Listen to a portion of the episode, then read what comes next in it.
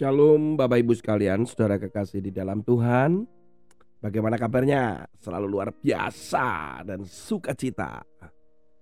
Saudara, kita akan membaca firman Tuhan hari ini terambil dalam kitab Amsal pasal 22 ayat yang ke-14.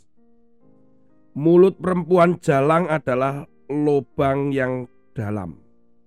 Orang yang dimurkai Tuhan akan terperosok ke dalamnya. Kata-kata lubang yang dalam ini sebenarnya mulut yang mengeluarkan kata-kata itu konteksnya tuh licin, manis, enak didengar. Dengan kata lain ya mulutnya merayu begitu. Saudara, kalau seandainya ya, kalau seandainya kita berada di tengah malam, kemudian di depan pub atau diskotik, Biasanya ada beberapa perempuan di depan yang mulai merayu begitu.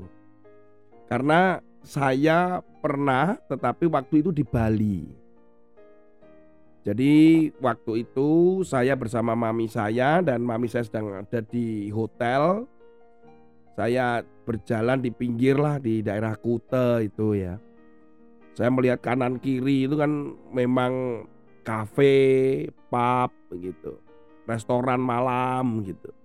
Nah di situ ada perempuan-perempuan yang mari mari let's go let's go come sir. Nah, nah kayak gitu gitu ya.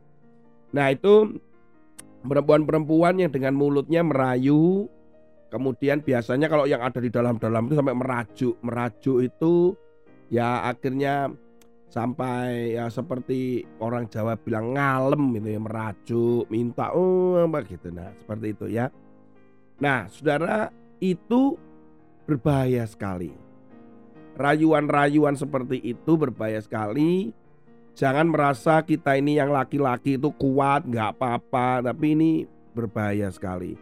Satu kali ketika kita masuk ke dalam maka dimurkai Tuhan saya jadi ingat apa yang terjadi yang tertulis pada bilangan pasal 25 ayat yang pertama. Sementara Israel tinggal di Sitim, ini Sitim ini uh, daerah tanah Moab ya. Mulailah bangsa itu berjinah dengan perempuan-perempuan Moab. Saudara, apa yang terjadi di Sitim di tanah Moab itu itu adalah perkemahan ke-41 persinggahan ke-41 orang Israel sebelum masuk tanah Kanaan. Nah, ternyata ketika ada di sana ada perempuan-perempuan Moab. Perempuan-perempuan Moab ini secara kultur kalau dilihat memang perempuannya seksi, kemudian ya lebih bersih dan sebagainya lah, menggoda begitu. Bisa dibayangkan laki-laki yang orang Israel yang melihat istrinya melihat perempuan-perempuan Israel yang sudah bertahun-tahun puluhan tahun gitu ya. Yang mungkin uh, badannya lep, uh, apa tuh kehitam-hitaman kemudian penuh dengan debu mungkin jarang mandi gitu ya.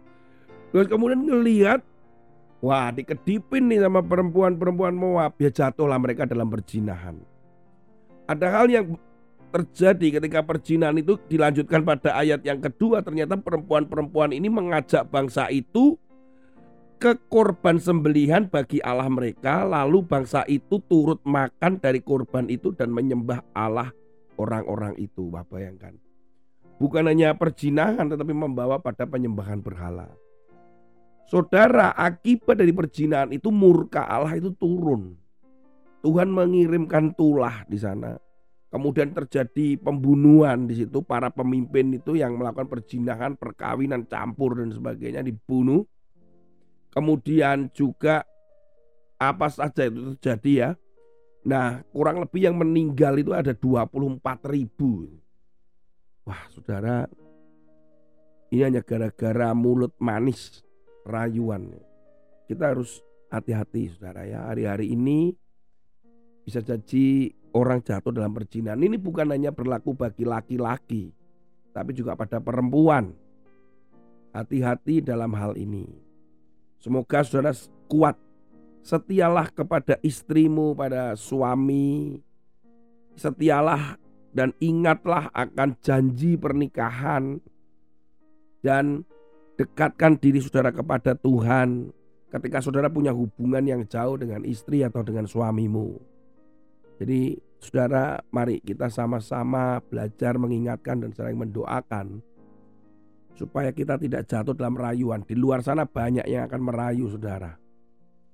Bukan hanya masalah perjinan atau seks ini juga penawaran-penawaran lah dengan janji-janji manis lah bisnis lah hati-hati minta hikmat Tuhan doa gumulkan puasa kalau perlu supaya kita tidak terjerembak dikatakan di sini lubang yang dalam masuk dan dia akan terperosok ke dalamnya waduh ngeri ya Tuhan Yesus memberkati saudara tetaplah hidup kudus dan suci dan senantiasa takut akan Tuhan. Haleluya. Amin.